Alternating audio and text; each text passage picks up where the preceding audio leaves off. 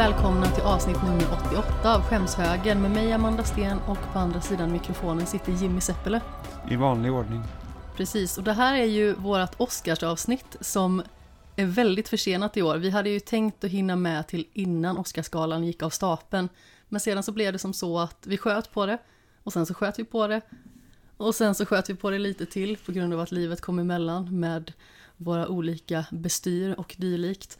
Så nu är vi här och det blir något form av eftersnack till eftersnacket. Ja, alltså det var ju, vi hann ju inte riktigt med att se filmerna innan Oscarsgalan gick av heller, vilket vi brukar göra. Ja men precis, det var ju egentligen tanken. Ja, jag kommer ihåg när vi, jag tror första gången vi gjorde Oscarsavsnittet när vi liksom brände typ åtta filmer på en helg. Vi bara såg dem back to back. Ja men precis, då kämpade vi på både på bio och på hemmabion så att säga. Ja, men precis. Eh, Men inte i år. Jag tyckte det var, jag vet inte, jag tyckte inte det var lika mycket så fast om Oscars i år som det var tidigare heller. Liksom eh, även sett till de filmerna som har eh, varit nominerade. Det som det var mest liv om var ju Will Smiths Ja, jo, utbrott. precis. Så det var väl tråkigt att det liksom var det som snackades. Men jag tänkte redan på förhand så tyckte jag inte att det var liksom så att oh, det här är Oscarsfilmen. Utan det var liksom bara så här, det här är filmerna. Det kändes som att kvaliteten på filmerna var mycket högre förra året än i år. Jag tror också att jag var nog mer förtjust i förra årets filmer än årets faktiskt. Det var lite mer märkligare filmer i år tycker jag. Lite mer besynliga, lite mer annorlunda och sen så kändes det som att det var vissa som nästan kvoterades in på gamla meriter. Ja, jag tror jag vet vad anledningen är. Jag tänker att du tänker säkert på West Side Story här. Det gör jag definitivt. Eh, men jag tror jag vet anledningen varför in och då, alltså, tänker man ur en sån synvinkel så kan jag förstå att den är där. Men det kommer vi komma till förmodligen. Det är ju definitivt en sån aspekt som jag reagerade på när vi såg den filmen. Vi kommer ju prata lite mer om den senare och kommer komma in på varför jag tycker att det känns som att det bara är på gamla meriter.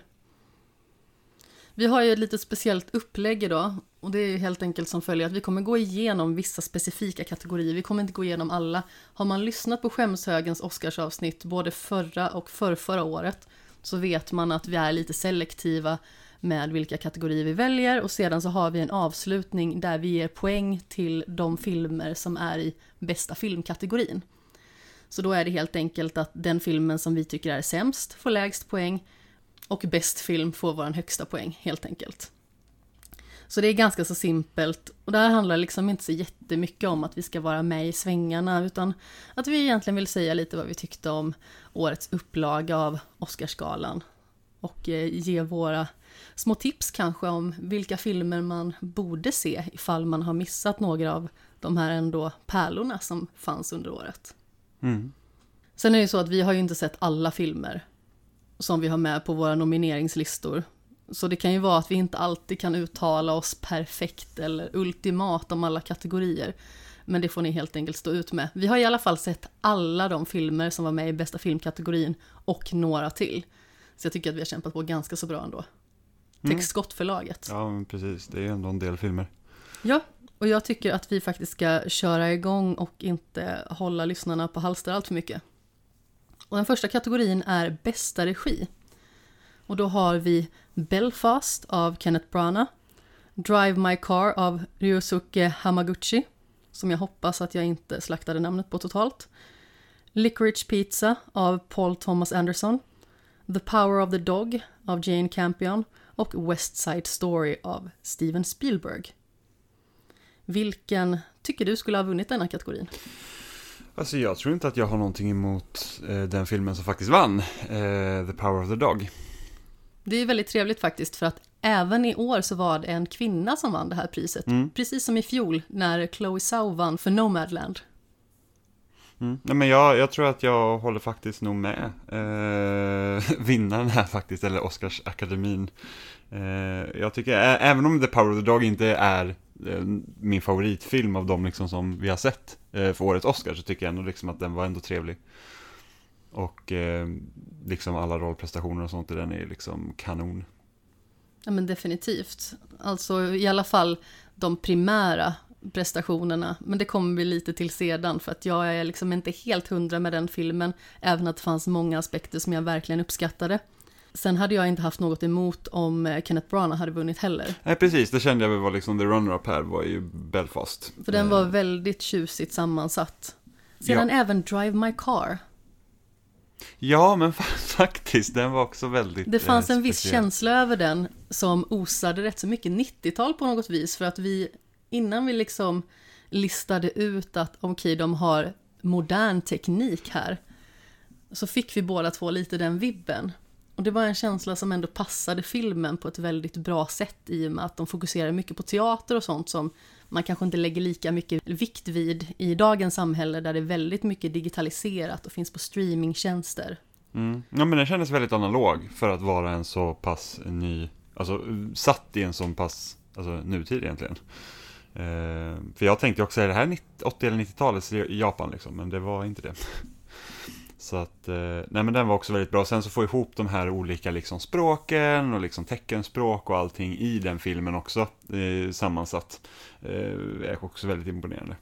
Det var superimponerande och de hade ju jättemånga olika skådespelare från olika nationer som pratade sitt språk. Och när de liksom vävde det samman med teckenspråket fick det sån intressant dynamik. Ja, jag håller med. Ja, och sen så fungerar det ju så också att vi kommer ju inte bara ge våra favoriter, min favorit säger jag nog faktiskt är Drive My Car, trots allt av Hamaguchi. Men sedan så var det ju som sagt Power of the Dog av Jane Campion som vann. Och vi kommer ju fortsätta på den här tråden hela vägen igenom att vi kommer ju avslöja vilken vinnaren var ifall man liksom inte har koll på det. I och med att i vanliga fall så brukar vi göra ett avsnitt först. Där vi går igenom allting och där vi liksom gissar vilken vi tror eller vilken vi hoppas ska vinna respektive kategori. Och sedan så går vi igenom i efterhand vem det var som faktiskt vann. Och då går vi vidare till bästa kvinnliga huvudroll, Jimmy. Yes, och i bästa kvinnliga huvudroll var dessa nominerade. Så vi har först Jessica Chastain i The Eyes of Tammy Faye. Olivia Colman i The Lost Daughter. Penelope Cruz i Parallella mödrar. Nicole Kidman i Being the Ricardos. Och Kristen Stewart i Spencer. Och vilken tycker du känns mest rimlig här? Så här, är jag har bara sett eh, The Lost Daughter av dessa filmer. Eh, så att, eh, ja, det, det liksom blir inte mycket mer spekulation än så, men jag, jag känner att flera av de här eh, rollprestationerna hade jag gärna velat se. Speciellt tror jag att jag hade velat se Kristen Stewart i Spencer. Hon var ju väldigt lik, framförallt. Ja, men Kristen Stewart är också väldigt bra. Eh, även om hon har den här Twilight-stämpeln på sig så är hon ändå en rätt så skicklig eh, skådespelare. Både hon och Pattinson fick ju den på sig efter de filmerna och då känns det som att de bara förknippas med dem hela tiden. Ja, men han har på något sätt ändå lyckats liksom lirka sig ur den ganska bra. Han har fått kämpa väldigt mycket för det också. Han, det känns som att han har skådespelat väldigt mycket olika roller efter. Jag tycker inte man har sett Kristen Stewart så mycket. Nej, i alla fall inte, nej, precis, inte i filmer som jag har sett heller. Eh, Men, eh, och jag hade gärna velat se Jessica Chastain också i, eh, i, i The Eyes of Tammy Faye. Ja, absolut. Hon var väldigt gullig när hon blev intervjuad innan av några svenska reportrar som var på plats. Och hon sa liksom att hon är i ett startfält med väldigt starka skådespelerskor. Hon förväntar sig absolut ingenting och hon är bara glad att få vara med i stort sett. Och hon kändes liksom väldigt ödmjuk och fin. Mm. Så det verkar som att det var liksom en väldigt stor överraskning för henne att hon sedan vann. Mm. Sen Olivia Colman är alltid bra, men hon spelar också liksom en liknande roll som man har sett henne så många gånger i förut. Ja, nej, men som sagt, jag kände väl att The Lost Daughter inte direkt var en kanonfilm på något vis. Vilket är väldigt synd för att jag gillar Olivia Colman väldigt mycket, men det kändes inte som en film där hon fick möjlighet att briljera direkt. Mm. Ja, men precis, för det kändes väldigt mycket som att det är hennes liksom grej som hon brukar göra. Har du någon annan skådespelerska som du skulle vilja kasta in i kategorin sådär bara? Inte riktigt när det kommer till huvudpersoner, faktiskt. Eh, många av de bästa liksom, prestationerna som jag känner är från de filmerna vi har sett, kommer från birollerna. Jag håller med. Däremot så hade jag ju gärna sett Emilia Jones som spelar Ruby Rossi i Coda. Ja, För att hon gjorde en väldigt intressant roll. Och det är väldigt sällan man belyser den typen av så här tonårsroll på det sättet. Mm, nej, men det är sant, det är sant. Eh, jag har ju sett henne i, jag hade precis sett henne i Lock and Key precis innan det. Och jag känner att hon, hon känns också liksom så här att, ja men, det är lite samma grej. Eh, Ja okej, Alltså, jag har ju typ- bara hört dig se på den. ja men precis, men liksom hur hon spelar, inte för att hon gör ett dåligt jobb, men liksom så här att jag tyckte inte att hennes liksom prestation var någon så extraordinär, även om hon såklart var jättebra i filmen och filmen var superbra. Men så kände jag liksom att, ah, men visst. Och vem var det som vann? Det var Jessica Chastain i The Eyes of Tammy Faye. Det kanske jag nämnde innan i förbifarten, men eh, jag tycker att det är värt att betona en gång till så att det inte går någon förbi. Och då går vi vidare till bästa manliga huvudroll. Och då var det Javier Bardem i Being the Ricardos, Benedict Cumberbatch i The Power of the Dog, Andrew Garfield i Tick Tick Boom, Will Smith i King Richard och Denzel Washington i The Tragedy of Macbeth. Mm.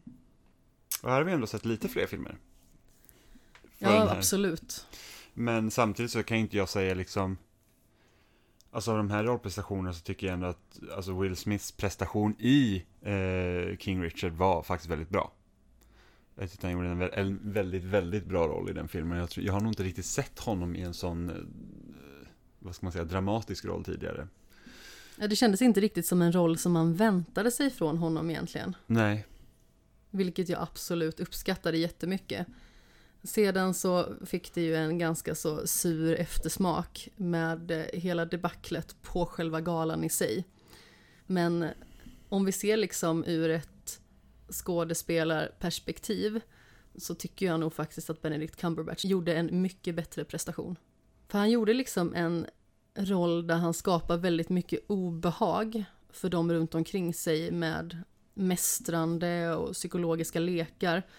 Men sedan blir det ganska så uppenbart att hela det här är en fasad för att skydda sig själv från att liksom exponeras för vem han egentligen är. Mm. Mm, ja men precis, hans roll var också jättebra. Det är lite med de, mellan de två som jag väger mellan.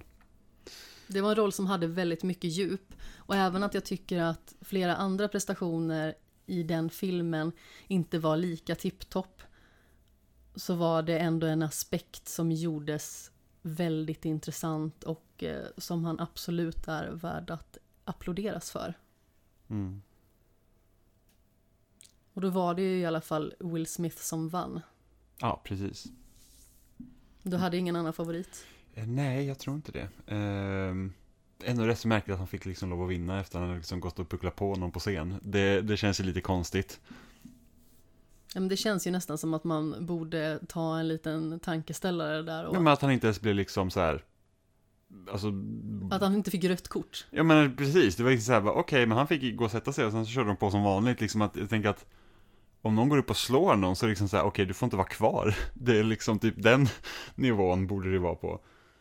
Det här var ju liksom ett så ovanligt tillfälle som jag antar att arrangören absolut inte hade kunnat tänka sig.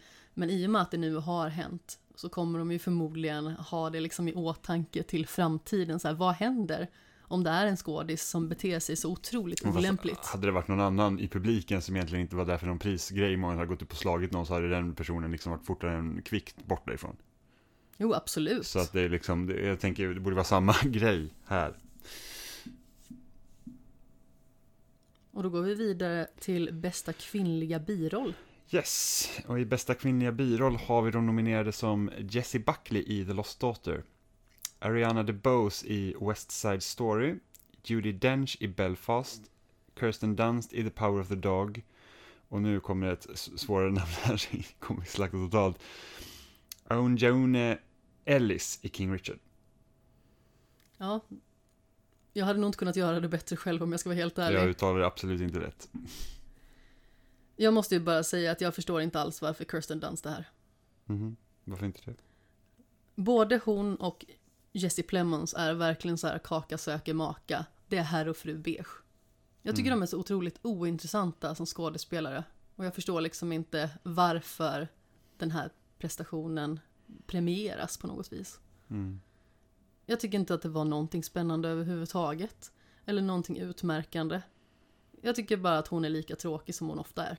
Mm. Men om man ska lyfta någon så är det ju svårt att se förbi Judi Dench. Mm.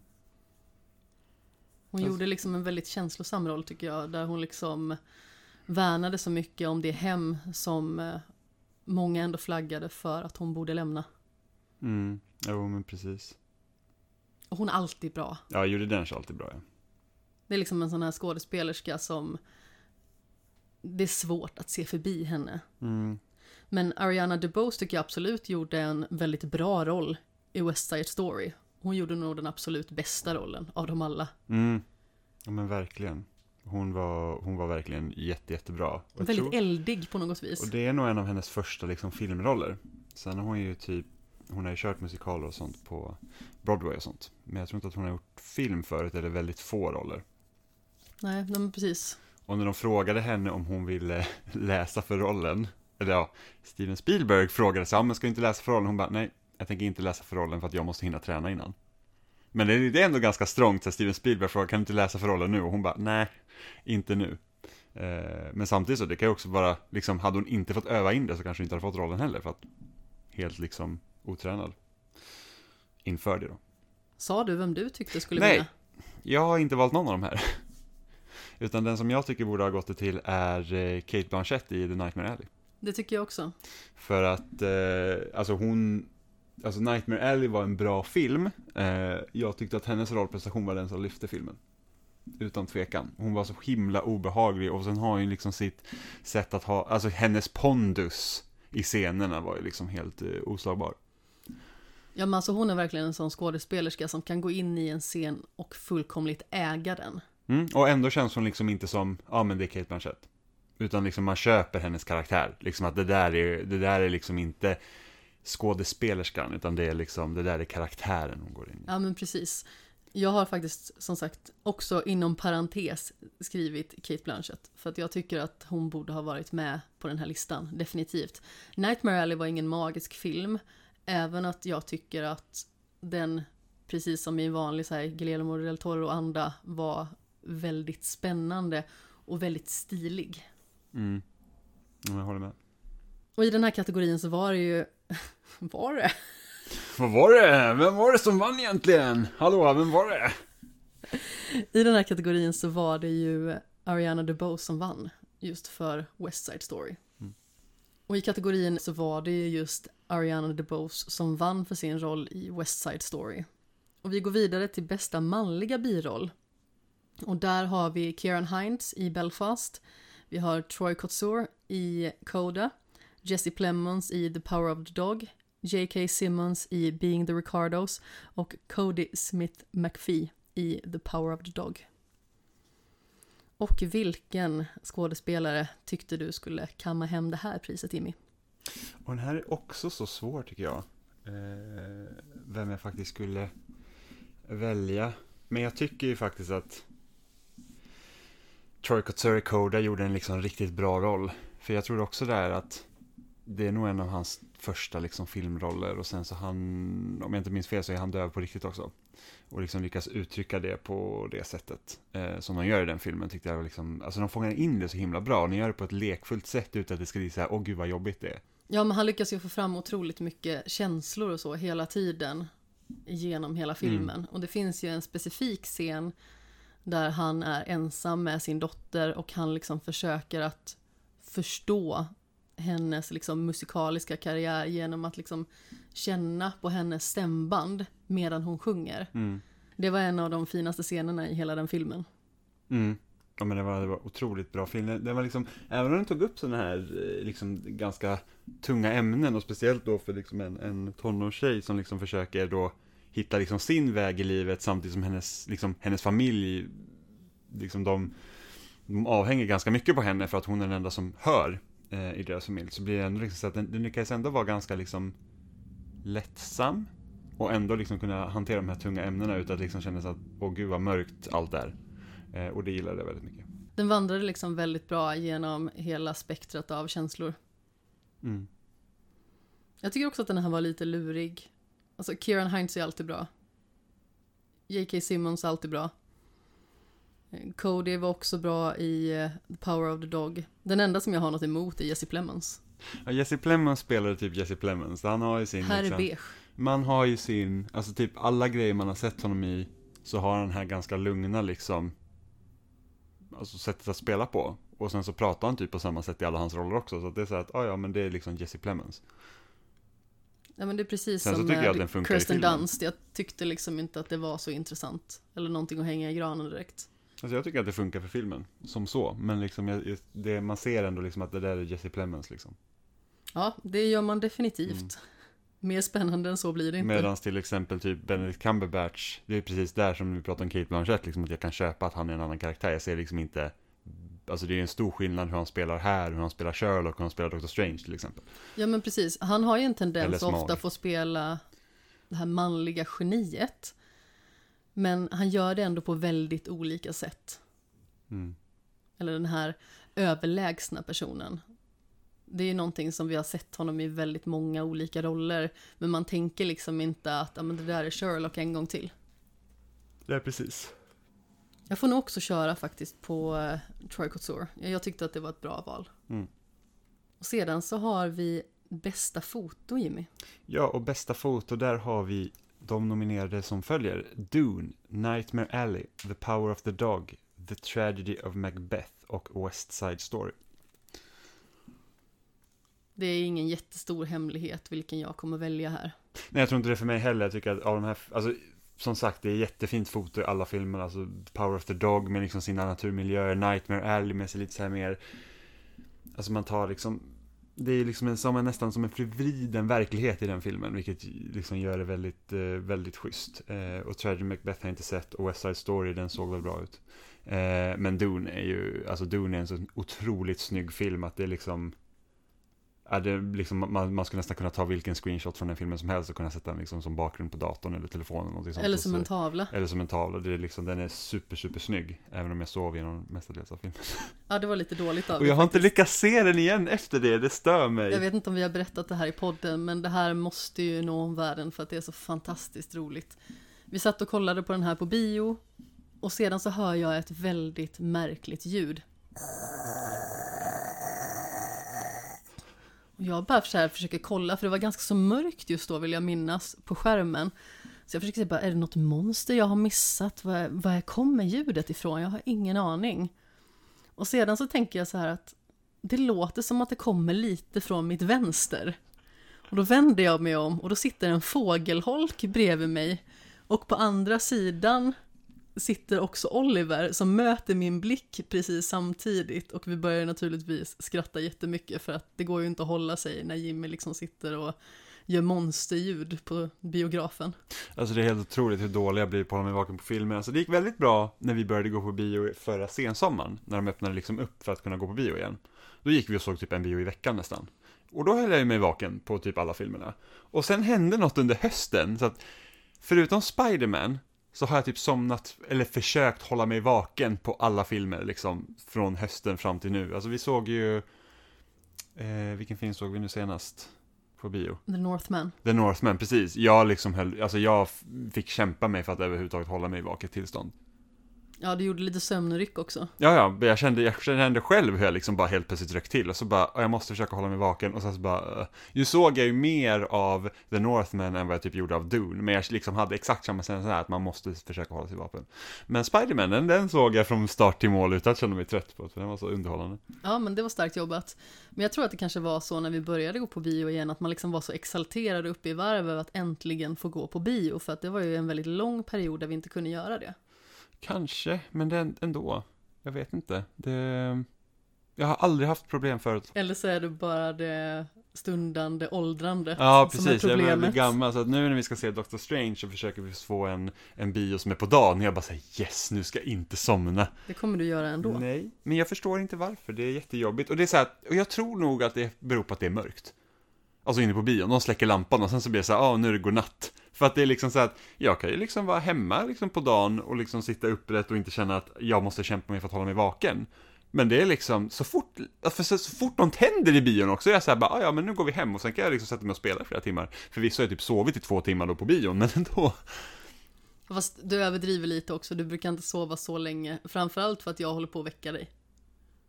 Jo, jo, men det är liksom ändå, man, man sover ju liksom. Det finns ju alltså, som Dune, jag, det, jag kommer knappt ihåg den filmen. Jag, Du kommer bara ihåg att den var snygg. ja, precis, den var jättesnygg. Eh, jag, jag, jag kommer liksom ihåg, jag tror inte ens jag såg när, jag ska inte spoila i och för sig. Eh, men det, Det liksom kan vara att- en bra grej. Ja, men jag har ju läst nästan hela första boken och jag har nog läst så långt som första filmen är i alla fall. Eh, och det är vissa delar från boken som jag vet händer i filmen som jag inte såg. Vill man se Dune så finns den väldigt tillgänglig i alla fall på HBO Max. Ja. Har vi den på Blu-ray? Det har vi. Mm, fint. Nej men alltså som sagt, det är självklart Dune för mig också. Något Villeneuves filmer har gemensamt är liksom att det alltid är ett väldigt vackert bildspråk. Mm. Visst var det han som gjorde Blade Runner senaste? Det gjorde han. Ja, precis. Och den var ju och även. Arrival. Ja, precis. Arrival som jag till en början var lite besviken på för jag var oerhört förväntansfull och tänkte att den skulle eh, sparka undan benen på mig från start. Men den växte verkligen med sitt bildspråk. Mm. Så ju mer spännande den blev, desto mer intressant blev också bildspråket på något sätt. Och då har vi ju eh, nästa kategori, för det var ju Dune som vann. Ja. Bästa originalmusik. Och där har vi Don't Look Up, Dune, Encanto, Parallella mödrar och The Power of the Dog. Det här är faktiskt en sån här kategori jag har i princip ingen åsikt om. Det har jag. Jag har så här bara, att- jag vet inte, av någon anledning så typ musik på film så brukar jag liksom inte riktigt jag tänker inte lika mycket på det typ som när vi när jag liksom spelar spel till exempel. Eh, om det inte är så här helt extraordinärt som typ eh, Interstellar till exempel när man har liksom stora orglar liksom i bakgrunden. Alltså gud vilket konstigt. Orglar? Är det plural för orgel? Jag tror vi har haft den här diskussionen förut dessutom. Försök inte få mig att säga det här ordet, för det är för många R. En orgel, flera orgel, så säger jag nu. Men då, liksom, då blir det väldigt extraordinärt, eller typ när jag var helt inne i The Dark Knight Rises så tyckte det liksom soundtracket var kanon liksom. Eh, men annars så brukar jag inte tänka så mycket på filmmusik. Ja, Sagan om ringen i och för sig är också bra. Men, men ja, ni förstår vad jag menar. Det är liksom inte som att jag, jag ser de här filmerna och visst, jag kommer ihåg Encantos musik liksom. Men det är inte Jag så kommer tyvärr ihåg den, för jag tyckte inte att den var så bra. Nej, jag tyckte inte heller att den var liksom så här att wow, Oscars, Oscar-worthy liksom. Ja, Den var så här att det, det är liksom catchiga tunes, men det är liksom inte så här att jag tycker inte att musiken förhöjde den filmen. Den här. Bruno-låten som folk gick runt och sjöng på hela Ja, tiden, men den den, typ gjorde den- mig mest Ja, irriterad. men den är typ den trallvänligaste också, så det är inte så konstigt. Jag tyckte den bara var ful. Ja, ja, men den var ju liksom, den, den är den, Den föll mig verkligen inte i ja, men, smaken den, alls. men den är den trallvänligaste i hela filmen, så att det är liksom inte konstigt. Men så att jag har faktiskt ingen, jag har faktiskt ingen som jag känner så här att det där borde det vara. Du kan få stämma in i min kör på Dune då. Okej. Det är ju ändå Hans Zimmer som som har eh, Jo, men jag komposerat. Jag försökte ju stämma in där i musiken där. Säger man komposerat? Komponerat? Komponerat. Satt ihop. Fixat. Blir lite jobbigt när man kör lite svengelska Mm. från eh, Composer. Mm. Och det var ju också Dune som vann originalmusiken. Ja. Som sagt, jag kan inte säga så mycket för jag sov på Dune. Eh, bästa manus efter förlaga är nästa kategori och där har vi filmerna som följer. Då är det Coda, Drive My Car, Dune, The Lost Daughter och The Power of the Dog. Och här tyckte jag att det var Koda. Det håller jag med om. Eh, jag tror att typ Dune förlorar lite på den att den liksom körde inte hela boken utan den kör en del av boken. Eh, och det känns som att man liksom missar egentligen, alltså man missar ju sista akten på den berättelsen i första boken. Liksom det, det är liksom att den, den såsar på i princip. Det är ju lite svårt att vara Dune på det viset för att man vet ju att det kommer en del till. Ja. Det är liksom så här typ, ja, ja men precis, så är det. Jag har inte något att tillägga där egentligen. Men samtidigt så tyckte jag att den här första delen var otroligt fängslande och eh, en värld som jag verkligen vill sätta mig in i och veta mer om. Och det gjorde ju liksom ett väldigt intressant upplägg med alla de här olika familjerna eller de olika rikena om man säger så. Mm. Jag är glad att jag läste boken först. För att jag, hade liksom, det, jag behövde liksom inte sätta mig in i den relationen, liksom, utan jag förstod ju på en gång vilka de pratade om. För det vet jag att många hade problem med eh, när man läste recensioner eller hörde vad andra tyckte. Liksom, det, var så att ah, det var svårt att hålla koll på allting. Och det är liksom så här, det är klart när man liksom hör det typ i 15 sekunder och inte läst liksom så här 30-40 sidor liksom om, om just Harkonnens. Eller, eh, ja, jag minns inte vad alla heter längre heller, men det, det är liksom, det, det är mycket att hålla koll på. Jag satt med väldigt smala ögon och försökte hänga med i hela filmen. Så Mm. att jag inte missade någonting. Men man missar ju jättemycket för det är så mycket detaljer och liksom så mycket spel liksom bakom kulisserna som man kanske inte riktigt hänger med på. Mm. Men när det gäller Coda så är det ju faktiskt en remake på en fransk-belgisk film från 2014 som Ja. heter La Famille Bellier. Mm, undrar hur den film, den har varit kul att se. Ursäkta min dåliga franska och inte alltså att jag eh, svor eller rapade utan att eh, det, bara var, det var bara dålig franska. Ja, Och du höll med. jag höll med. Och det gjorde även juryn. Precis. Jag har en runner-up på Drive My Car. Ja men den ligger bra till alltså, det var en väldigt bra film. Det var en väldigt, väldigt bra film. Men det är också en liten Silent Hunter sådär i bakgrunden för att den är liksom inte så utstående som exempelvis Coda. Mm. Ja, men precis. Och slutligen så har vi bästa originalmanus. Och där har vi Belfast, Don't Look Up, King Richard, Licorice Pizza och Världens värsta människa. Jag har ingen aning om vad världens värsta människa är för film. Jag har för mig att det är en norsk film. Jaha. Borde man visa solidaritet nu? Jag vet inte. Nej, inte jag heller. Är det bara för att du jobbar på ett norskt företag? Nej, men precis. Jag håller mig vän med norrmännen. Ja, jag håller ju faktiskt med eh, juryn här. Där eh, jag tyckte att Belfast gjorde ett eh, otroligt bra jobb med att få mig att bry mig om den här filmen. Mm. Jag vill faktiskt slå ett slag för Don't Look Up här också. Vilket kan vara lite förvånande med tanke på att det är också en film som är nominerad till bästa film som jag absolut inte förstår. Men jag tror att idén med Don't Look Up eh, tycker jag ändå är väldigt liksom, alltså det är en bra idé. Idén är ju väldigt mycket bättre än utförandet. Alltså ja, både ja och nej egentligen. Men liksom jag känner att Ah, det är svårt, det är svårt att sätta fingret på exakt vad, men jag tycker liksom att jag tycker inte att det är en av de tio bästa filmerna. Eh, men jag kan nog tycka liksom att, att sättet de har skrivit den på är väldigt liksom bra. Jag tror att den gick lite för långt. Kan, ja, men ja, det kan jag lite hålla med om faktiskt. Det kan jag, alltså speciellt typ slutklämmen i den filmen är bara så att det där var, det där var egentligen helt onödigt. Ja, det blev väldigt Ja, bisarrt. det är väldigt bisarrt. Men, eh, men annars tror jag också håller med om Belfast. Eh, när det kommer till King Richard så känner jag ändå lite så här att ja, det var en, det var en bra film och det är liksom kul ändå att få se liksom då följa den här liksom, alltså Williams-familjen liksom när de då säger att här har vi mina två döttrar som ska bli bäst i världen på tennis. Men ändå rätt kul att man, man gör då en film om egentligen döttrarnas prestation men ser det ur pappans perspektiv. Det blir lite så här, aha, Ja, men precis att man framhäver honom mer än dem. Ja, men lite så. Det, det kan, alltså, visst, det är ju också en historia som är värd att berätta och den var ju bra den filmen, men jag kan känna att det är så att, ja men det känns lite typiskt. En skådespelare från den filmen som jag tycker att man borde ha lyft upp väldigt mycket mer och som jag naturligtvis inte kommer ihåg namnet på. Det är han som spelar i The Walking Dead och eh, Ja, oh, gud, det här, Punisher. precis, varför kan jag inte det här nu då? Det, jag vet ju vem det är. Ehm, han, just det, just det, där, han glömde jag helt bort. Ehm, John Bernthal. Ja men precis. Han, alltså ofta får man ju se honom göra exakt samma roll. Alltså jämt. Eh, den här liksom lite hårda, tuffa typen och så går han sådär ryckigt och liksom Hade han typ, varit svensk så hade han snusat. Ja men precis. Liksom går den här machostilen och sånt. Och jag har ju liksom lyssnat på intervjuer med honom. Han, han, har, liksom, han har ju studerat Alltså väldigt hög nivå, liksom teater och sånt där. Han har varit typ i Ryssland och, och grejer liksom och blivit så här inbjuden till så speciella Spelar inte han också lärare i Me and Earl and the Dying Girl? Det vågar inte jag svara på. Det minns inte När jag. de tror att de har blivit höga av hans soppa. Eh, kanske. Jag måste se om han är med där. Me and Earl and the Dying Girl är för övrigt den första filmen som du och jag såg ihop. Ja, det är det. Vilket år kommer den ifrån? 2015 tror jag. Jo, det är han i den. Men liksom ofta så här, Punisher, Polisen i The Walking Dead, Fury har han varit med i, men liksom även om han så här mindre roller som så här Baby Driver och eh, den här eh, med Leonardo DiCaprio, Wolf of Wall Street. Samma typ av roll.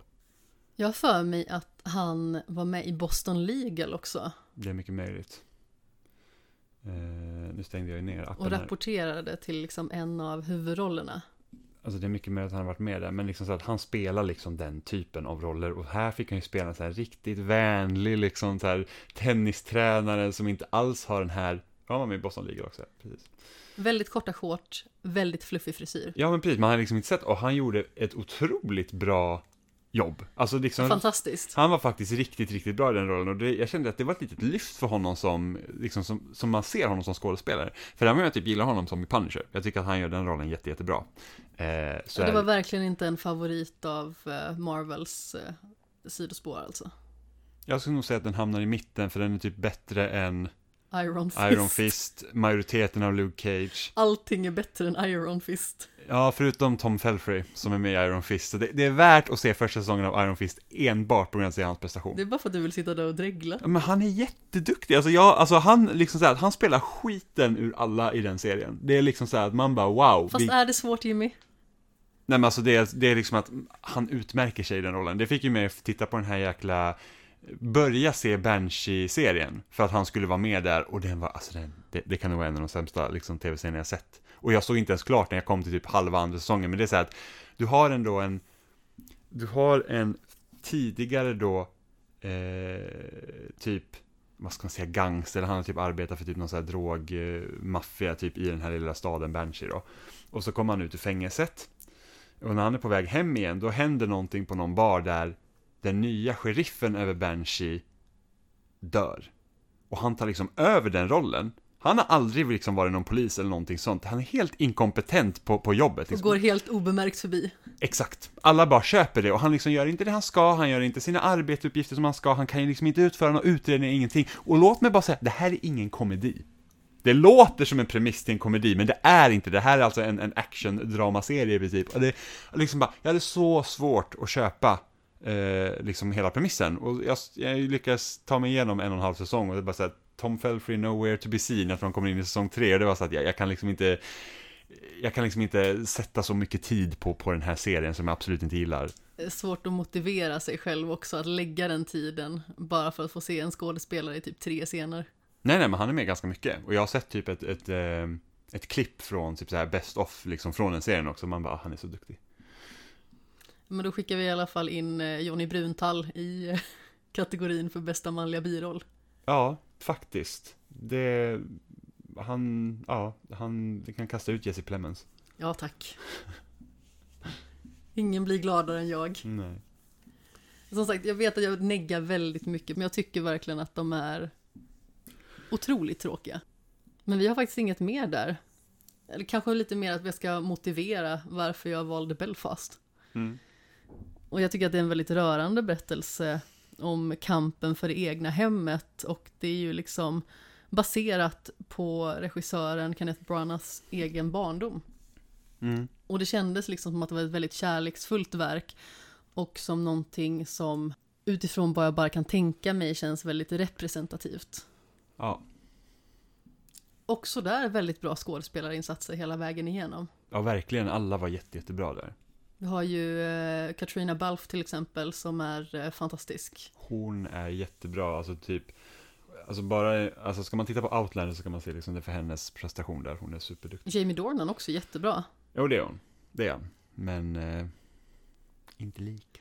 Nej, nej, absolut inte. Men det känns ju som att han, precis som att eh, Kristen Stewart och eh, Robert Pattinson fick den här Twilight-stämpeln, så fick han lite så här 50 shades of Grey-stämpeln. Han går runt och för evigt är Mr Grey på något vis. Mm. Däremot såg jag ju honom i The Fall. Vilken serie och vilken rollprestation och vilket samspel han har med Gillian Anderson i den serien. Mm. Den borde vi se ihop. Ja. För vi har ju absolut ingenting som vi behöver se. Nej, verkligen inte. Vi har ju faktiskt många serier som eh, både har setts och som är på gång och vi kommer ju dela med oss av de upplevelserna i ett skämshögsavsnitt i en nära framtid. You're on the air. I'm underground. Signals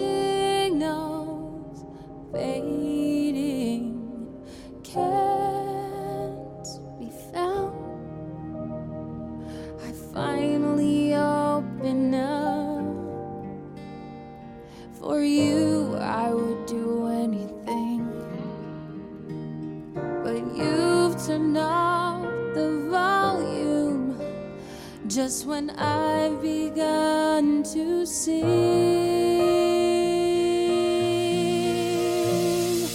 Come to your senses, defenses are not the way to go,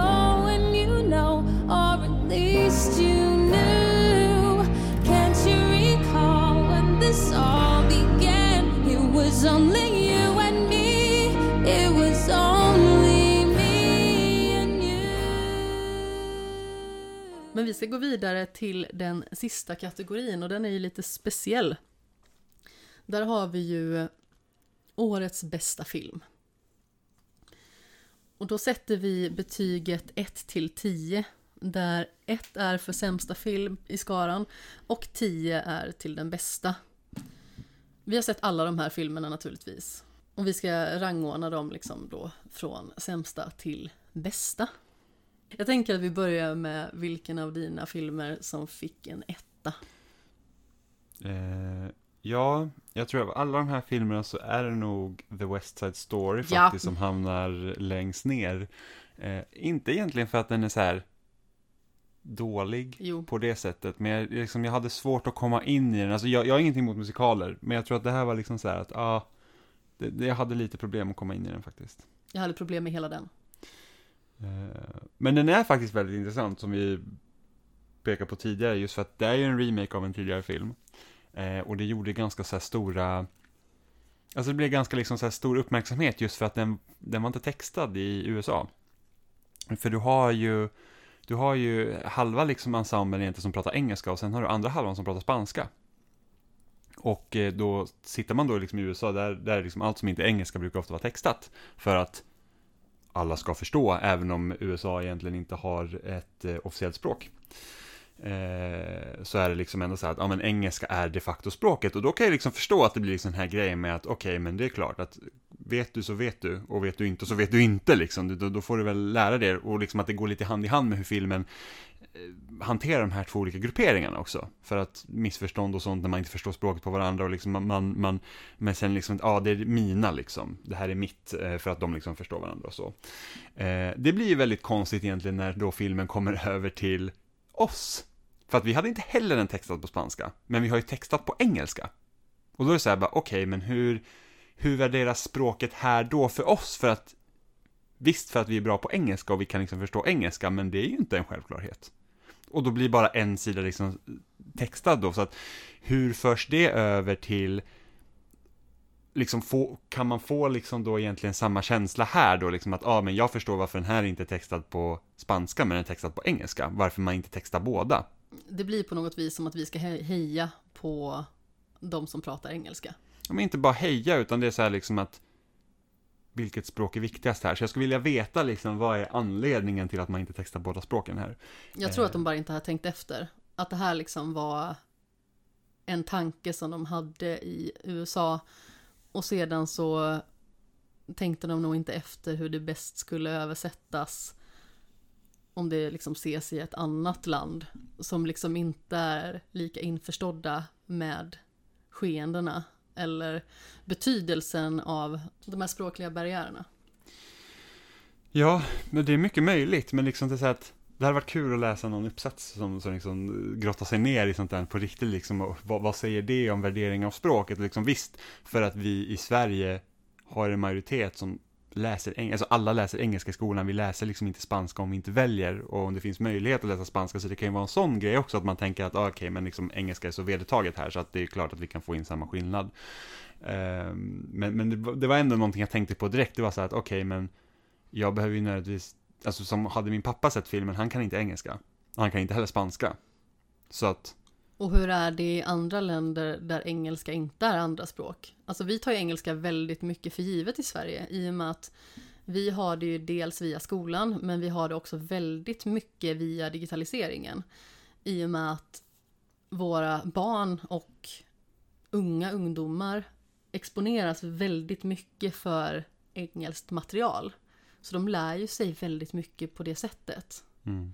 Och visst, det kanske man gör i andra länder också, men jag vet ju att till exempel Italien och Frankrike, de är ju inte kända för att vara liksom så jätteintresserade av att lära sig engelska. Ja men precis, hur, gör, men hur blir det med dubbningen där då? Dub, alltså i Frans, Frankrike och Tyskland, dubbar de allt på tyska då? Och liksom så här, att, vad går inte då förlorat i filmen? Om man dubbar allt? För då blir det så här, men det ska ju vara en språkbarriär här. Varför liksom? Det hade varit kul att se. Då går ju lite av problematiken förlorad. Ja, så det är frågan, dubbar de bara engelska rösterna då till tyska och sen så får de ha tyska och spanjorer med varandra? Hur gör man i Spanien liksom? Alltså, då behöver man inte dubba någonting, men då kör, dubbar de den engelska rösten då? Eller så här, nej men vi kör spanska rösten och sen så får den engelska vara. Så det, det är liksom, ja, det, det hade varit liksom, vad blir det för problematik här? Ehm, Den ordinarie tanken är god och intressant. Men sedan så finns det mycket annat som jag inte tycker om i den här filmen. Och eh, alltså dels så har vi ju liksom det här att vi har källmaterialet som är en gammal Broadway-musikal. mm. Och vi har Steven Spielberg som typ autonomineras. Ja men precis. Och det jag framförallt kände i den här som inte har sett West Side Story tidigare, det är att jag förundras över hur en så lång film kan förmedla så oinspirerande lite. Mm. Så det kändes som att på väldigt kort tid i filmen så hände väldigt mycket, men samtidigt så kändes det också som att det hände väldigt lite. Det är svårt att förklara den känslan. Men jag köper ju till exempel inte huvudkaraktärernas kärleksrelation. Mm. Att de blir kära i varandra så fort. Men inte det ganska så typiskt musikalgrej att man behöver komma till saken ganska snabbt? Jo men det fungerar inte. Alltså det finns ingen uppbyggnad där. Jag kan inte köpa att den ena karaktären är så dödligt förälskad i den andra. Om det liksom inte finns någonting att bygga på överhuvudtaget. Och det är liksom som att karaktärerna hoppar upp i tomma luften och inte har någonting att landa på överhuvudtaget. Mm. Och sen så tycker jag inte att skådespelarinsatserna är så fantastiskt bra heller. Jag tror att, jag tror att mycket, ja, förutom Steven Spielberg då, men jag tror också att det, det handlar också om att den, den liksom 60-talsfilmen som finns, där man hade liksom då samma premiss, men skådespelarna på den spanska sidan är liksom målade mörkare. Oh. Så att det är liksom, det, det liksom, det där ligger liksom ursprunget. Så att det liksom blir så att det här är en uppdaterad version. Så jag kan tänka mig att det är mycket det också. Kom Och det en film på 60-talet? Är det 61 den kom? Ja, jag tror det. Eh, och där är det då blackface, liksom. Oh, ja, det är inte alls trevligt. Nej, eh, så jag tänker att det är en del i det hela också. När kom musikalen egentligen? För det måste ju varit eh, Min- 50-talet va? Minns ej, faktiskt.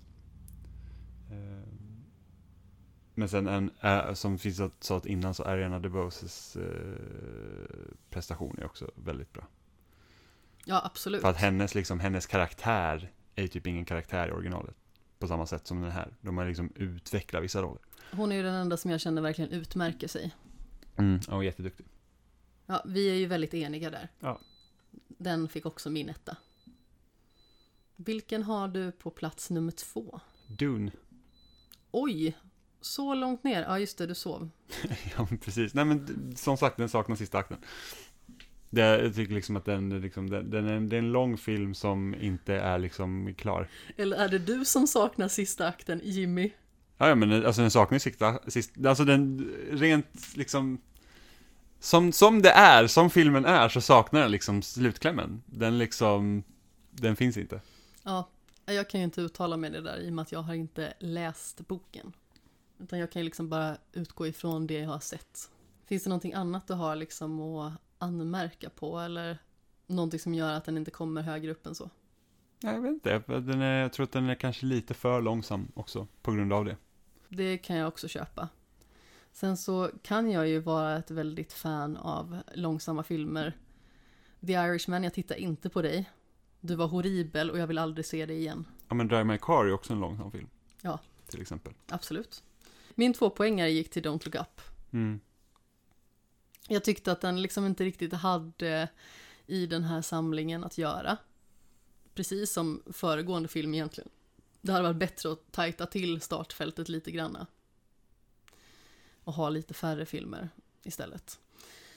Jag tycker fortfarande liksom att idén är väldigt intressant och eh, den visar ju någonting väldigt tydligt som pågår i vårt samhälle just nu liksom med hur folk eh, läser in olika saker i fakta och eh, vad de anser är fakta.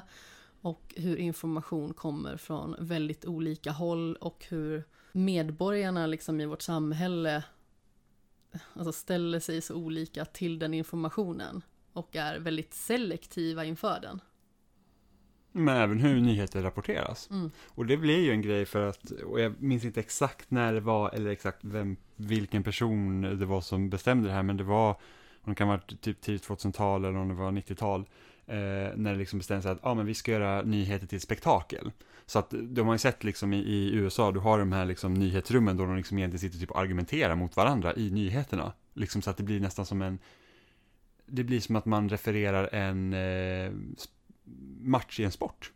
För att det är där inspirationen kommer ifrån, typ amerikansk fotboll. Så här hanterar vi liksom när vi rapporterar om de här matcherna och liksom sitter och argumenterar liksom live. Då ska vi göra så med nyheter också. Och det blir liksom helt, det blir helt galet. Liksom, man, alltså, eh, nyheter är ju såklart inte en objektiv sanning eftersom det beror på vem som rapporterar den. Liksom att du, du, någon som är på plats rapporterar ju liksom på ett visst sätt gentemot någon som sitter liksom hemma och läser andras rapportering till exempel och vad man väger in. Men det ska ju fortfarande försöka liksom rapporteras på ett sånt sätt att det liksom ingen tvekan om liksom vad som egentligen händer istället för att du liksom har typ två, tre olika motpoler som sitter och argumenterar med varandra till absurdum. Och, det är liksom så, och, och speciellt inte när man tar in typ folk som så här tror på konspirationsteorier och inte har liksom någon sanning med sig i bagaget också, ges samma utrymme. Det är liksom helt galet. Och på det sättet så är ju Don't Look Up liksom belyser ju sådana problem också, vilket jag tycker är väldigt bra. Absolut. Och just det här problemet med konspirationsteoretiker, det är ju hyfsat utbrett ändå. Just bara för att om man försöker att argumentera mot eller att slå ner en konspirationsteoretiker så blir ju oftast resultatet att den personen tycker att ens argument styrker att det finns en konspiration. Ja, det går alltid att vrida och vända på sin egen fördel liksom. Ja men precis. Lite som eh, vi nämnde i chatten här, häromdagen med konfirmeringsbias. Mm. Att man eh, finner saker som helt enkelt stödjer det man själv tror på istället för att söka sig till alternativa sanningar som skulle kunna motbevisa det eller eh, dylikt. Utan man riktar sig väldigt mycket in på sånt som eh, fungerar för en själv och stödjer sin verklighetsbild. Mm. Och då har vi tre poängaren. Eh, don't Look Up. Där hade du den ja. Ja. Ja, inget mer att tillägga egentligen. Det är liksom så att den, ja, det är också en sån film så jag vet inte riktigt vad den gör här. Eh, liksom om man tittar på, om de behöver då fylla en kvot av typ av Netflix-filmer så är Tick Tick Boom en bättre film. Absolut. Men som sagt, slutet, alltså inte det definitiva slutet om man säger så, den sista scenen i, i filmen, men liksom slutet när de sitter liksom här runt bordet och bara typ väntar på undergången tycker jag ändå är ganska starkt. Ja men definitivt. Det var ändå en del som man kände så otroligt obehag över. Det är otroligt ångestladdat. Ja men liksom när man bara väntar på slutet. Mm. Och jag tror liksom att alla kan nog känna igen sig i att man någon gång liksom har funderat på vad som händer sen. Och här blir det liksom så definitivt för alla på en och samma gång. Mm. Ja, förutom en liten skara som vi inte ska prata om mer för att det blir väldigt spoilerande. Min trepoängare gick till Licorice Pizza. Mm. Jag tycker att den har absolut sina charmiga poänger och eh, skådespelarna gör absolut inga dåliga rollprestationer på något vis. Och det handlar ju om en ganska så udda relation mellan en 15-årig kille och en tjej som är i mitten till slutet av 20-årsåldern egentligen. Mm. Och det är liksom så intressant för att han är lite lillgammal. Otroligt lillgammal. Och hon känner väl liksom att hon inte är riktigt Hon är inte så riktigt vuxen Nej, hon är inte riktigt mogen, om man säger så. Så att de möts på ett väldigt gulligt sätt. Men sedan när man tänker på det så är han fortfarande en 15-årig pojke och hon är snart 30. Ja, ja men precis. Och hon hänger liksom med hans kompisar och liksom hon blir typ en, i princip som en del av liksom gänget som de umgås med. Det, det liksom blir lite märkligt. Det blir väldigt märkligt och jag antar ju att det definitivt är det som är tanken. Men eh, den stannar på något vis vid charmig. Mm, ja men jag håller med. Fyra poängaren. Licorice pizza. Så att jag håller med dig i det du sa, liksom, att det blir lite mega. Jag har lite svårt för att se förbi liksom, den här åldersskillnaden också. Liksom, att det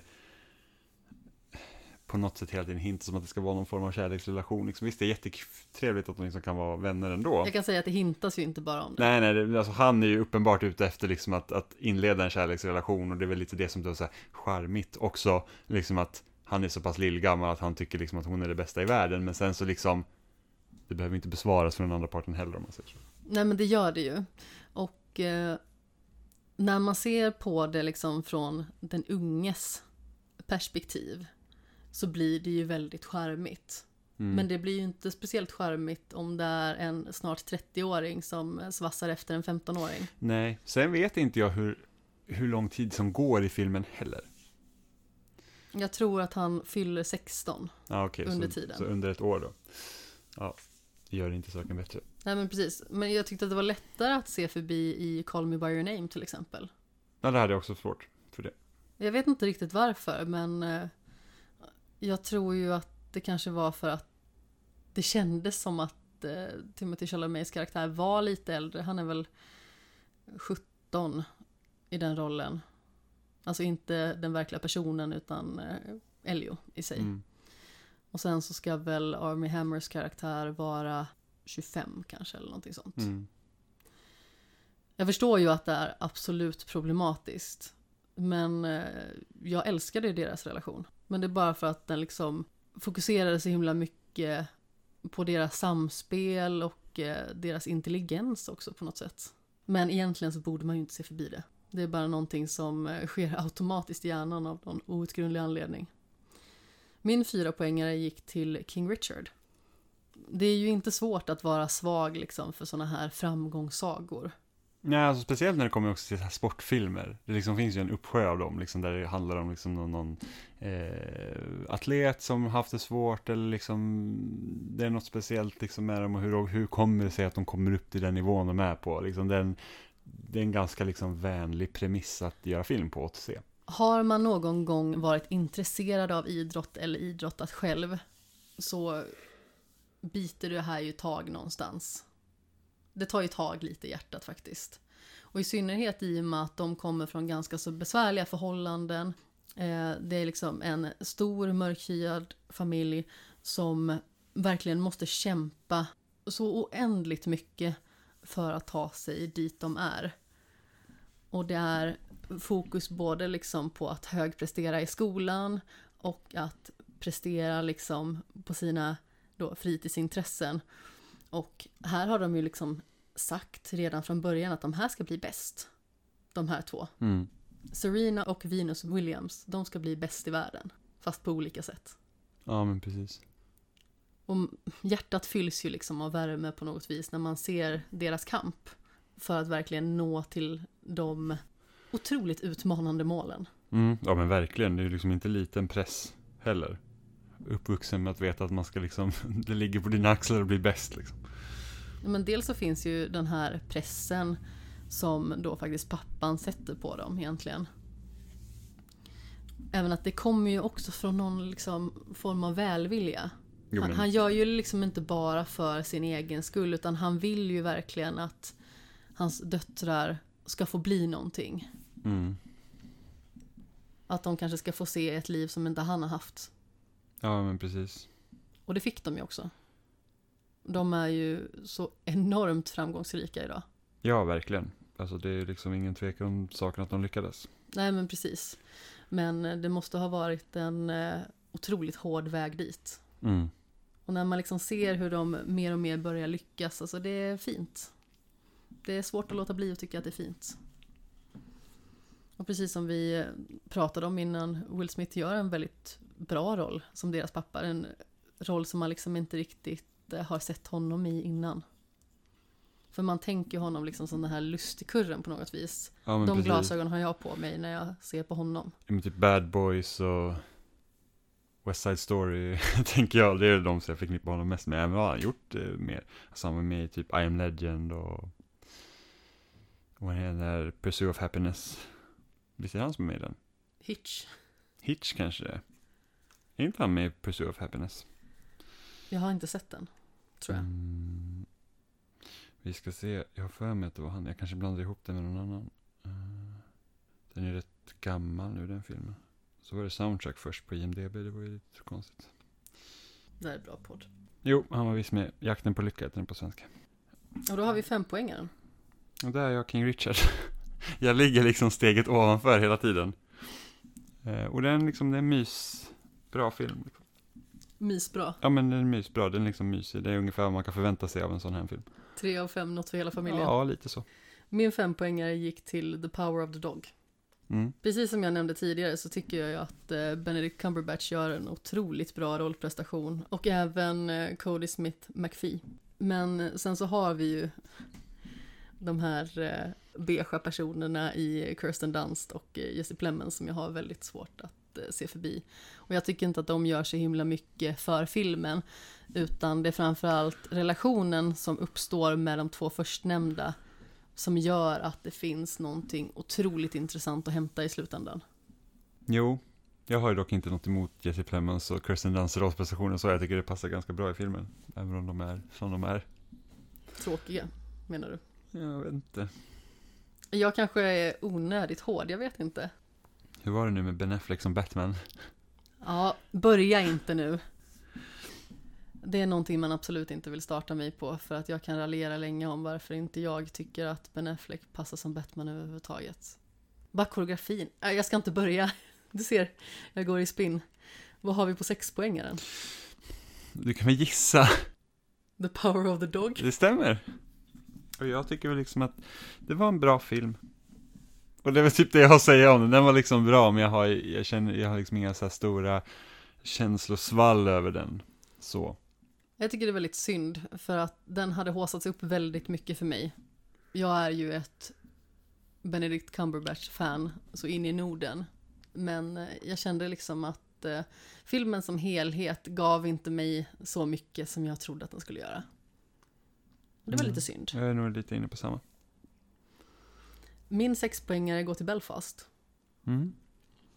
Som sagt, jag tycker att det är en väldigt fin berättelse baserad på verkliga händelser. Och eh, alla skådespelare egentligen gör väldigt solida rollprestationer. Det är ju liksom en eh, tid i Belfast som är väldigt hård och väldigt mörk. Och framförallt liksom, tänk att vara barn och eh, växa upp i det där. Liksom Mm. det finns sådana otroliga motstridigheter. Och det finns det ju på många ställen i världen naturligtvis. Men jag tycker att det porträtterades väldigt bra i den här filmen. Sju poängen Jimmy. Nightmare Alley. Jag trodde du skulle säga Belfast. Jaha, nej, nej, faktiskt inte. Utan det är Nightmare Alley jag väljer där. Ehm, och jag tycker också även så här, det var en riktigt bra liksom, nästan liksom lite rysaraktig på sina ställen, eh, även om det inte är en skräckfilm.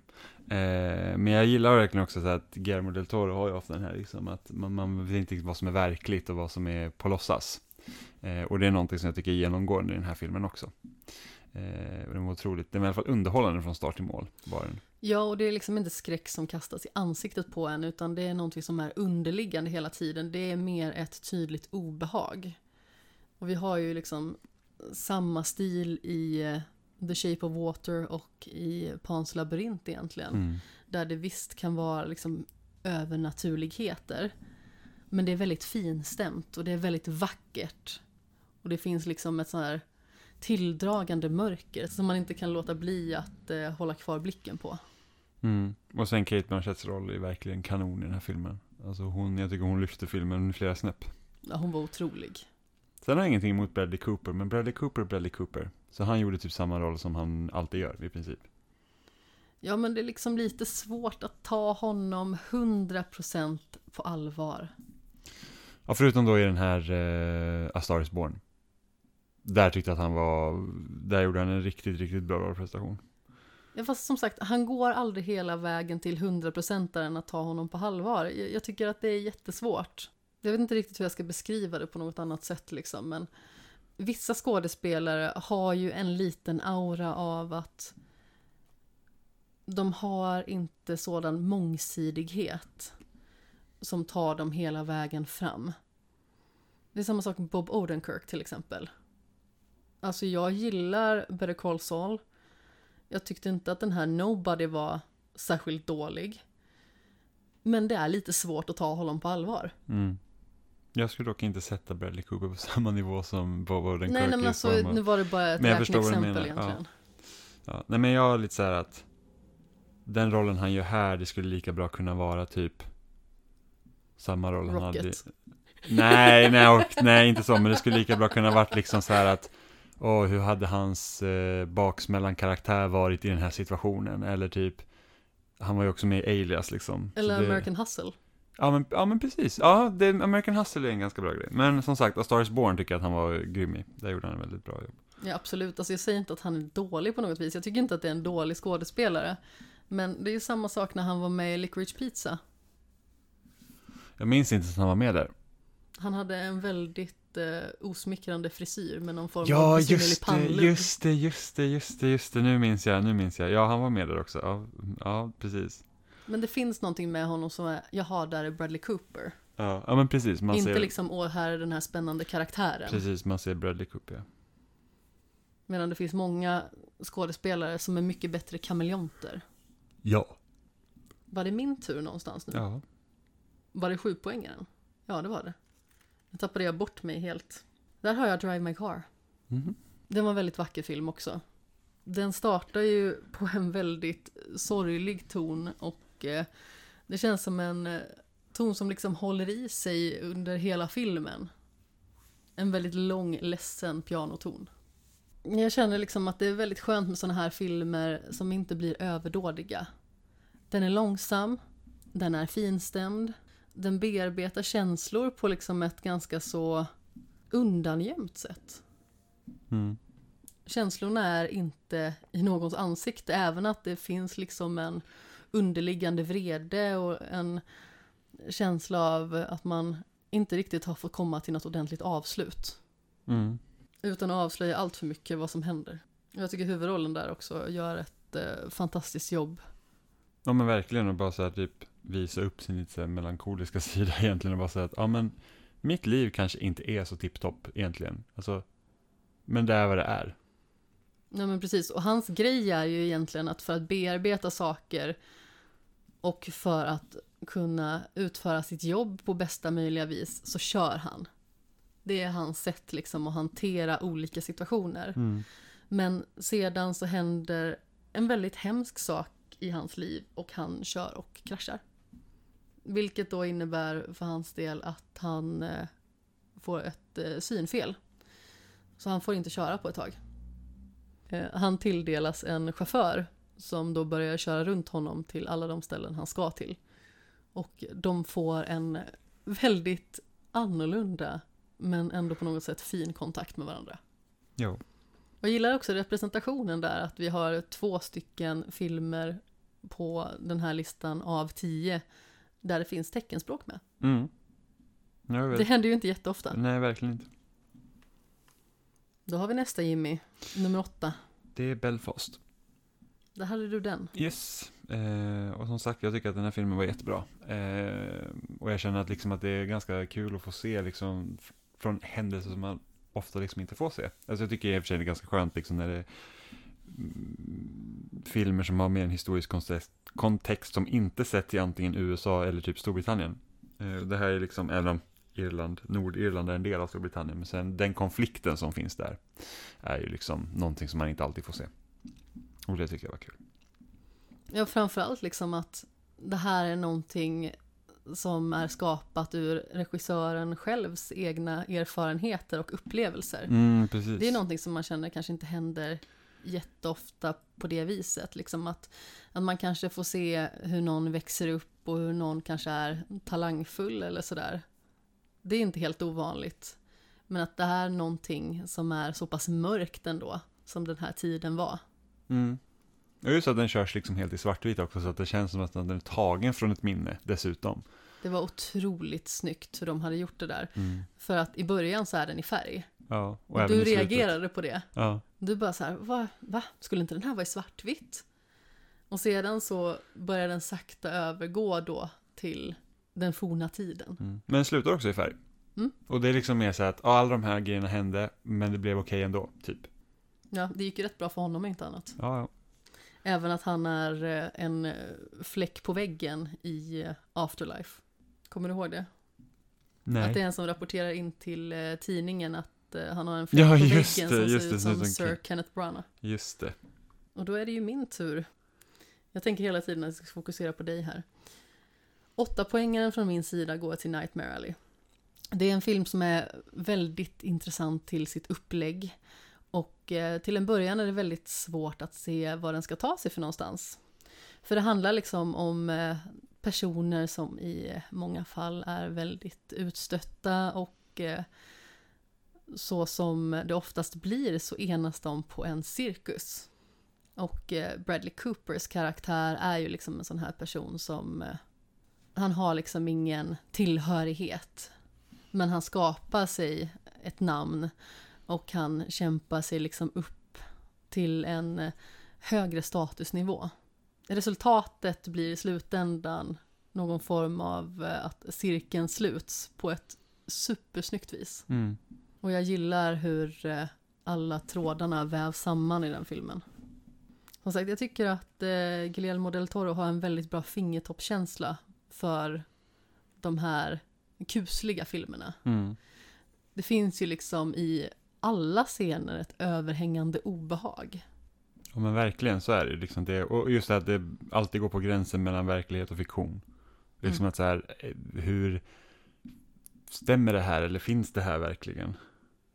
Ja, och vi har ju liksom eh, filmexempel som eh, han har skapat tidigare där det är så otroligt tydligt att man inte vet vad som är verklighet och fiktion tills det kommer till en viss punkt. Ja. Och hur det vävs samman är också otroligt vackert. Och jag pratar ju naturligtvis om eh, Pans labyrint. Som vi borde se tillsammans för övrigt, för den Mm. har inte du sett, eller hur? Jag har sett typ en halvtimme. Har du sett den här eh, läskiga nissen med ögon i händerna? Nej, jag minns inte om jag kom så långt. Det vet jag är ju någonting som många tycker är skitobehagligt i den filmen. Mm. Och som har ärrat dem för evigt som barn. Nio poängaren. Det är Drive My Car. Eh, och jag tycker att, ja men just som du sa också, den är väldigt finstämd. Och liksom, jag, jag tycker om verkligen hur den behandlar så här, att men det här är liksom, de här människors liv ser ut på ett visst sätt och hur de hanterar det. Och det behöver liksom inte nödvändigtvis vara liksom så som man ofta ser i andra medier. Eller i andra filmer överhuvudtaget. Eh, men just det här att han, är, han har ju sin fru där som går bort. Eh, och hon har också varit otrogen med säkert x antal liksom andra. Och han har vetat om det. Och han är liksom bara så här att, nej men det... Det är liksom inte den relationen vi har, så jag liksom känner att hon måste liksom vara trogen mig hela tiden liksom. För att vi har en nästan en annan förståelse för varandra. Även om han inte innerst inne är helt okej med det. Eh, och sen liksom hur han tar hand om det här teaterprojektet de håller på med, om alla de här olika liksom, typer av människorna och deras härkomster. Och en av dem eh, som är på den här eh, Eh, i teatergruppen och så har han liksom en helt annan koppling till.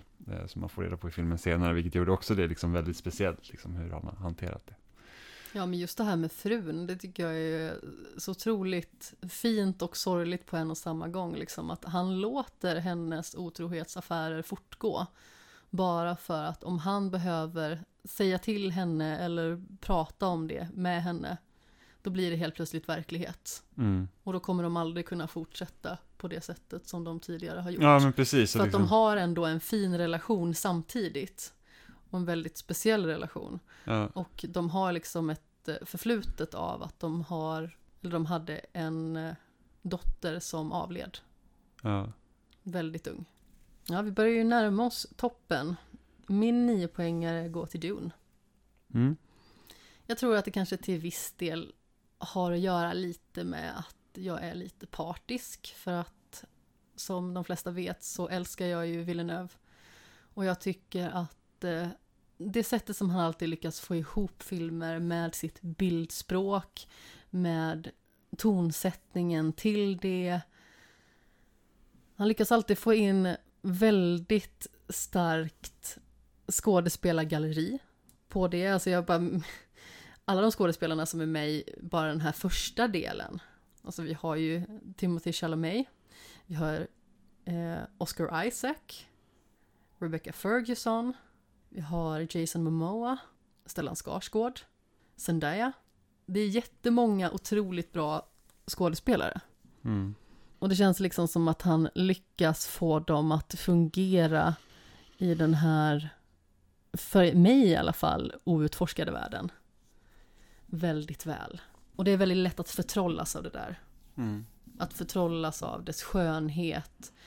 Och jag har absolut inga problem med, när det gäller slutresultatet, hur långsam filmen är. Den kan kanske kännas lite långsam under tiden. Men när man vet också att det är ett upplägg för en kommande film, då köper man det ändå på ett helt annat sätt. Liksom att det ska bli som en del av en helhet. Sen var det inte säkert att den andra filmen skulle komma heller. Nej, nej, men Det blev bekräftat i elfte timmen typ kändes det som. ja, men det var ju i alla fall tanken. Mm. Ja men precis, den är gjord med tanke på att det ska bli två. Precis. Och då vill jag veta vilken film som du tyckte var bäst av alla filmer i år på Oscarsgalan. Och jag tycker det var utan tvekan Coda faktiskt. Jag också. Eh, jag tycker att den var så himla liksom, den var väldigt så här att för att vara typ en coming of age liksom berättelse så var den väldigt liksom, eh, den kändes lite annorlunda. Den kändes lite anti. På vilket sätt? Huvudrollen är ju liksom inte en sån här typisk person som ska sträva över molnen och eh, bli någonting alldeles annorlunda och speciellt, utan hon är lite motsträvig. Och hon har en passion. Hon har någonting som hon tycker om. Men hon hänger också väldigt mycket kvar i det här hemvanda. Mm. Ja men precis, alltså, det är lite så här, jag tror att många tampas med det liksom, när de blir äldre, det här med att man man har liksom egentligen andra intressen från familjen men det är liksom fortfarande något som håller kvar en för att det är liksom, det är ändå en trygghet att allt har varit som det varit tidigare varit. Och så känns exakt. det väl ändå för henne, för att för henne blir det sån otrolig liksom kontrast mot att hennes största intresse är musik. Hon kan inte dela det egentligen med sin familj på ett, liksom ett, ett naturligt sätt eftersom de är döva allihopa, hennes bror och hennes två föräldrar. Eh, och då blir det liksom så här att det blir ju en del av filmen, hur ska de förstå det hon vill göra? För de kan liksom egentligen inte höra henne prestera. Precis. Jag tycker det är ändå en väldigt fin film om att våga bryta sig fri från allt man vet och vara sin egen person trots liksom besvärliga omständigheter. Ja men verkligen. För att det blir ju också svårt för familjen om hon ger sig av och vill fullfölja sin dröm om att bli liksom en kanske framstående sångerska. Ja men precis, för de lutar ju liksom helt på henne när det kommer till liksom att, att, att egentligen interagera med omvärlden. Och det är egentligen svårt för sådana som naturligt kan höra att förstå det. Vi tar ju det så himla mycket för givet. Men för den familjen så är ju hon ett ankare. Mm. Det är hon som gör att liksom kommunikationen med omvärlden slutförs på något vis. Eller att den fungerar smidigare än vad den annars hade gjort. Ja men exakt, för att är inte hon med så finns det vissa aspekter som missas. De har ju till exempel en eh, båt som de åker ut med Och eh, fiskar. som de använder för att eh, fiska till försäljning. Och de hör ju inte när det är några problem med båten. Eller exempelvis om det är någon som behöver komma i kontakt med dem. Mm. Så det finns ju sådana aspekter också som hon är väldigt viktig för. Det slutar ju nästan illa för familjen där i och med att eh, de får liksom sådana problem utan henne. Mm. Ja men precis. Och det, jag tror att det finns ju många som kan känna igen det, liksom att även om man inte är döv, liksom att, att familjen hänger på en. Eller liksom att, att, så här, att ja, men min roll i den här familjen är det här och om jag inte är här så är det ingen som gör det. Liksom. Ja men precis. Om jag inte är här och stöttar upp så fallerar hela grunden. Mm. Och, då liksom, och det är ingenting egentligen man ska avhänga sitt barn heller. Så att det liksom är en liten... Det blir åt båda hållen där. Ja, hur man ska precis. förhålla sig det. Och sen då, hon får ju liksom skuldkänsla över, över att hon liksom är intresserad av någonting annat och så. så det, nej, jag tyckte den var väldigt, väldigt fin film. Ja men precis. Det blir ju ett personligt skuldbeläggande av att faktiskt vilja följa sina egna drömmar. Som är någonting som dessutom är så frånkopplat hennes nära och kära. Mm. Och där tycker jag att musikläraren också gör en väldigt liksom solid prestation. För han går ju in och är ganska så besynnerlig i början, verkar vara en väldigt egen karaktär och eh, lite stroppig och Ja, nästan lite översittare. En otrolig så här, diva nästan. Men sen visar det sig liksom att han tycker ju inte att det är värt att lägga den maximala energin på någonting såvida han liksom inte vet att det går att fullfölja. Mm. Sen när han börjar ha privatlektioner med henne, då tvingar han ju verkligen henne att anstränga sig så mycket som behövs för att hon liksom ska kunna lyckas också. Och precis som jag nämnde tidigare så är hon en person som är lite motsträvig, kanske lite bekväm, kanske inte heller har vågat hoppas på att det finns något annat att satsa på än den här fiskbåten. Nej men precis. Och det är en av de vackraste scenerna i år, måste jag säga, när hon står och eh, sjunger den sången hon har övat in för sin audition. Ska sitta där och bli bedömd. Och hennes familj lyckas smyga sig upp på en läktare. Och de kan ju inte höra naturligtvis vad hon sjunger. Men hon sjunger Both Sides Now av Joni Mitchell och gör dessutom teckenspråk till sången. Mm. Det var ju verkligen en sån scen som man bara så här, ja men den kändes så drabbande och vacker. Och det var liksom svårt att hålla tårarna borta för den var verkligen så otroligt fin. Mm. Och sen även scen som vi pratade om tidigare när eh, hon liksom med sina stämband då försökte sälja in musiken på något vis till sin pappa när han sitter på flaket till deras bil. Väldigt eh, vacker scen rent liksom stilmässigt också för att de sitter liksom där ute i, i natten med eh, husets belysning i bakgrunden. Mm.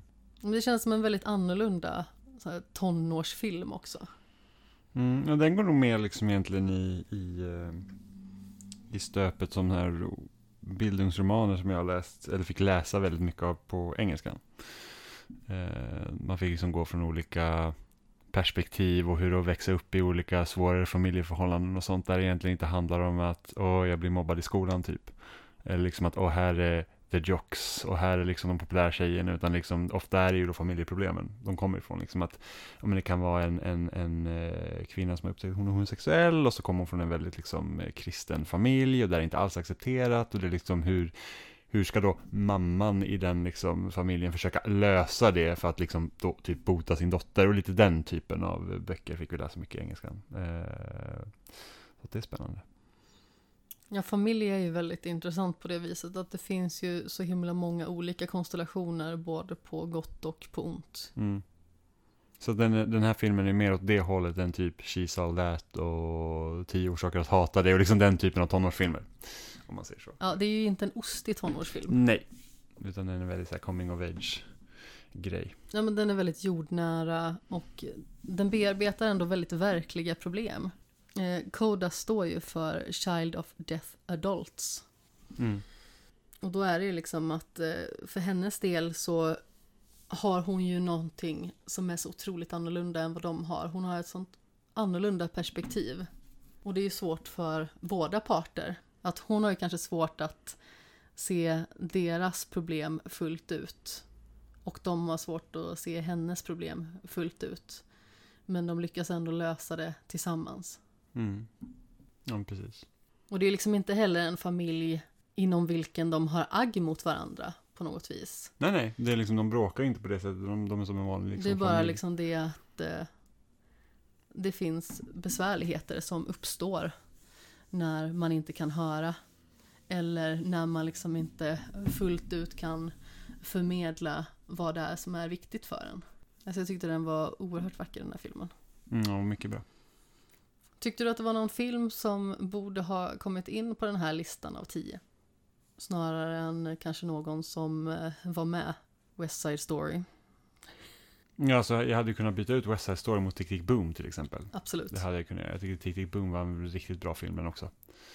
Eh, och Andrew Garfield gjorde jättebra roll där och även birollerna i den filmen gjorde liksom superbra. Ja, men definitivt och jag är lite förvånad faktiskt över att eh, Lin-Manuel Miranda inte var med för bästa regi. Mm. För att den var ju otroligt snyggt sammansatt hela vägen igenom tyckte jag. Alltså Ja, både var den. liksom eh, dans, musik, skådespeleri, hur eh, scenerna liksom skiftade fokus. En av mina favoritscener i hela filmen, det är eh, när han äntligen liksom får visa upp sin musikal som heter Superbia. Och eh, Vanessa Hudgens står och ska framföra ett solonummer. Men för honom så kan han bara se sin partner. Så att fokuset skiftar till att det bara är han och hon. Mm. Så det är egentligen liksom en duett i solonumret.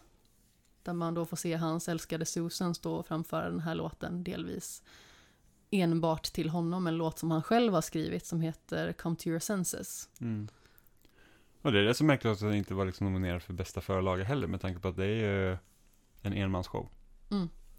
Från, eh, Ja, Tick Tick Boom alltså i sig. mm, precis. Så att den är, nej men det- var en väldigt speciell film. Så Ja, och det är en väldigt mycket. sorglig berättelse också om en sån otrolig talang. Ja, ja, verkligen. Som heller inte fick liksom, vad ska jag säga. Han fick aldrig nå sin fulla potential. Han fick aldrig skörda frukten av sitt arbete heller. Nej. Jag kan känna igen mig lite i alltså det här krisandet som han också känner. För att han ska ju precis fylla 30 när filmen börjar och jag är ju liksom precis där och är ju fortfarande en sån här person som inte riktigt vet vad jag ska bli när jag blir stor. Medan han är en sån som har en passion men han har så himla svårt att fullfölja den. Han blir liksom aldrig klar. Han kommer aldrig till skott. Och sedan så lyckas han ju äntligen få en succé till slut. Mm. Och när den succén då liksom är lite förbi, då skriver han Rent. Och Mm. dagen innan Rent ska ha premiär så dör han. Ja, men precis. Han inte ens blir 36 år gammal. Det är otroligt, eh, liksom, vilken tragedi. Det är väldigt smärtsamt tycker jag att- titta på liksom hur han kämpar så infernaliskt och hur han i stort sett lägger hela sin vakna tid på att få ihop det verk som han tycker representerar honom till fullo. Och sedan när han äntligen börjar få en karriär som tar fart så tar den slut så sorgligt kvickt. Hmm. Vet man vad han dog av? Nu minns inte jag exakt vad det var, men jag har för mig att det var ett artärbråck. Ja, just det. Och sånt kan ju bara, det kan ju bara hända. Ja, men exakt. Och vad jag förstod så hade han också blivit eh, feldiagnostiserad tidigare. Och helt plötsligt så dog han knall och fall. Så det är också bara en sån sak som gör det extra sorgligt. Att eh, Jonathan Larson som eh, den här personen då, den här skaparen heter, inte fick eh, leva så länge att se vilken succé hans eh, verk Rent blev. Mm, verkligen. Jag kollade upp nu här lite i smyg i bakgrunden att han dog av aortadissektion. Mhm. Aortadissektion innebär att kärlväggen i aortans inre lager går sönder så att blodet letar sig ut mellan inner och ytterlaget i aortans vägg. Låter otroligt obehagligt. Det var som typ hjärtat drunknar. Vad sorgligt det lät. Nej, jag vet. Men alltså förmodligen så att det, det, då läcker det så jag kan inte pumpa runt tillräckligt mycket blod antar jag. Ja, nej men med de sorgliga orden så ska vi väl börja runda av. Precis som jag sa tidigare så tycker jag ju att eh, förra året hade ett lite mer solitt startfält med lite mer högpoängare bland filmerna. Mm, håller med. Det kändes som att eh, det var lite mer spridda skurar i år. Mm. Faktiskt. Och om vi inte nämnde det innan så var det ju Coda som vann bästa film också. Ja, så var det faktiskt också. Vi är så uppe i vårt eget. Ja, det är det viktigaste vad jag säger. Det blev ju inget aprilavsnitt för oss i Skämshögen, så eh, vi tänkte att vi skulle vara så pass vänliga att vi slänger in två avsnitt i maj istället. Så inte nog med att det blir det här jätteförsenade Oscarsavsnittet så kommer vi också att eh, bjuda in vår kära kompis Oliver Thulin och eh, prata om ganska så många olika tv-serier som vi har tagit oss an det senaste. Jag har ju personligen verkligen känt att eh, tv-serier har varit så otroligt skönt att konsumera just nu. Jag har varit i en liten tid där det känns som att jag har varit eh, lite uppslukad av jobbet. Det har liksom tagit väldigt mycket av min uppmärksamhet. Inte liksom bara att naturligtvis att man behöver anstränga sig eh, på sitt jobb utan också liksom att det tar upp väldigt mycket av min tankeverksamhet när jag också inte jobbar. Så jag har liksom inte riktigt känt att jag haft orken att spela och jag tror att det liksom har blivit ett resultat av det. På så vis har det varit extra skönt att kolla på serier. Så det blir ganska mycket av den varan. Du däremot har ju spelat rätt så mycket. Jo, men jag har också lite en svacka just nu. Jag känner att det är ingenting riktigt som fastnar. Serier däremot har fastnat. Och det kommer vi prata om nästa gång som sagt. Men Jimmy, när du är inte är här i skämshögen, vart hittar man dig då för någonstans? Då skriver jag om spel på loading.se och jag pratar om spel i spelsnack.